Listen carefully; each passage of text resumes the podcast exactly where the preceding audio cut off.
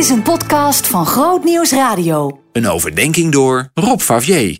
Goedemorgen, je gelooft het niet, maar ik ben het. Heel erg verkouden. Dus eh, sorry. Ik ga toch mijn overdenking proberen.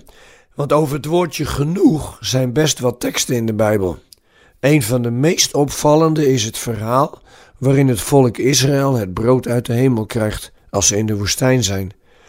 We zijn bezig hè, met een serie overdenkingen over het thema genoeg. Ik heb dat geleend van een campagne van World Vision over de ongelijke verdeling van bijvoorbeeld het voedsel, terwijl er genoeg is voor iedereen. En dat verhaal over het hemelse mannen is eigenlijk ontzettend raak. Ze krijgen precies wat ze nodig hebben en geen ons meer. Wie stiekem iets bewaart tot de volgende ochtend, ziet dat het tegen die tijd helemaal bedorven is. World Vision vroeg mij of ik ook eens wilde nadenken over de vraag: bid je genoeg? Maar wat nu zo interessant is aan dit Bijbelgedeelte, is dat de Israëlieten helemaal niet bidden om eten als ze honger krijgen. Ze mopperen alleen maar en klagen dat ze in Egypte beter te eten hadden. En toch geeft God ze te eten. Precies wat genoeg is. Hoe zit dat dan met bidden? In de verhalen van de uittocht uit Egypte neemt God steeds zelf het initiatief om voor ze te zorgen. Was dat omdat er sprake was van een noodsituatie? En omdat God met al deze gebeurtenissen wilde laten zien hoe machtig hij is? Want we hebben juist geleerd dat we heel veel moeten bidden. Paulus schrijft dat we moeten bidden zonder ophouden. Maar dat is iets anders dan een gebed zonder eind.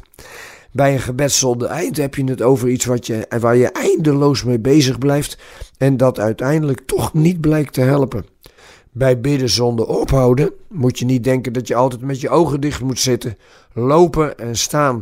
Dat zou erg onwerkbaar worden. Maar als je het nu eens anders zegt, bidden is in verbinding staan met God.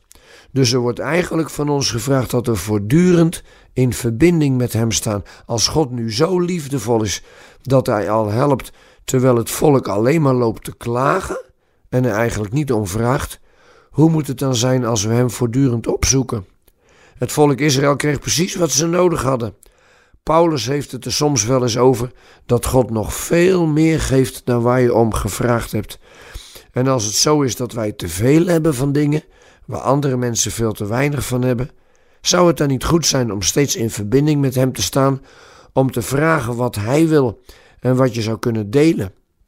Dan leer je behalve jezelf afhankelijk van Hem op te stellen, ook dat je verantwoording draagt voor wat je is toevertrouwd. Als je naar het wereldgebeuren kijkt, krijg je vast wel het gevoel dat je nooit genoeg bidt, want er is zoveel verdriet. Maar voortdurend met God in contact staan, betekent niet dat je de hele wereld op je nek moet nemen. Dat heeft Jezus zelf al gedaan. Nou, ik hoop echt dat ik de volgende keer weer een uh, hele heldere stem heb. Bedankt dat je me wilde ondergaan.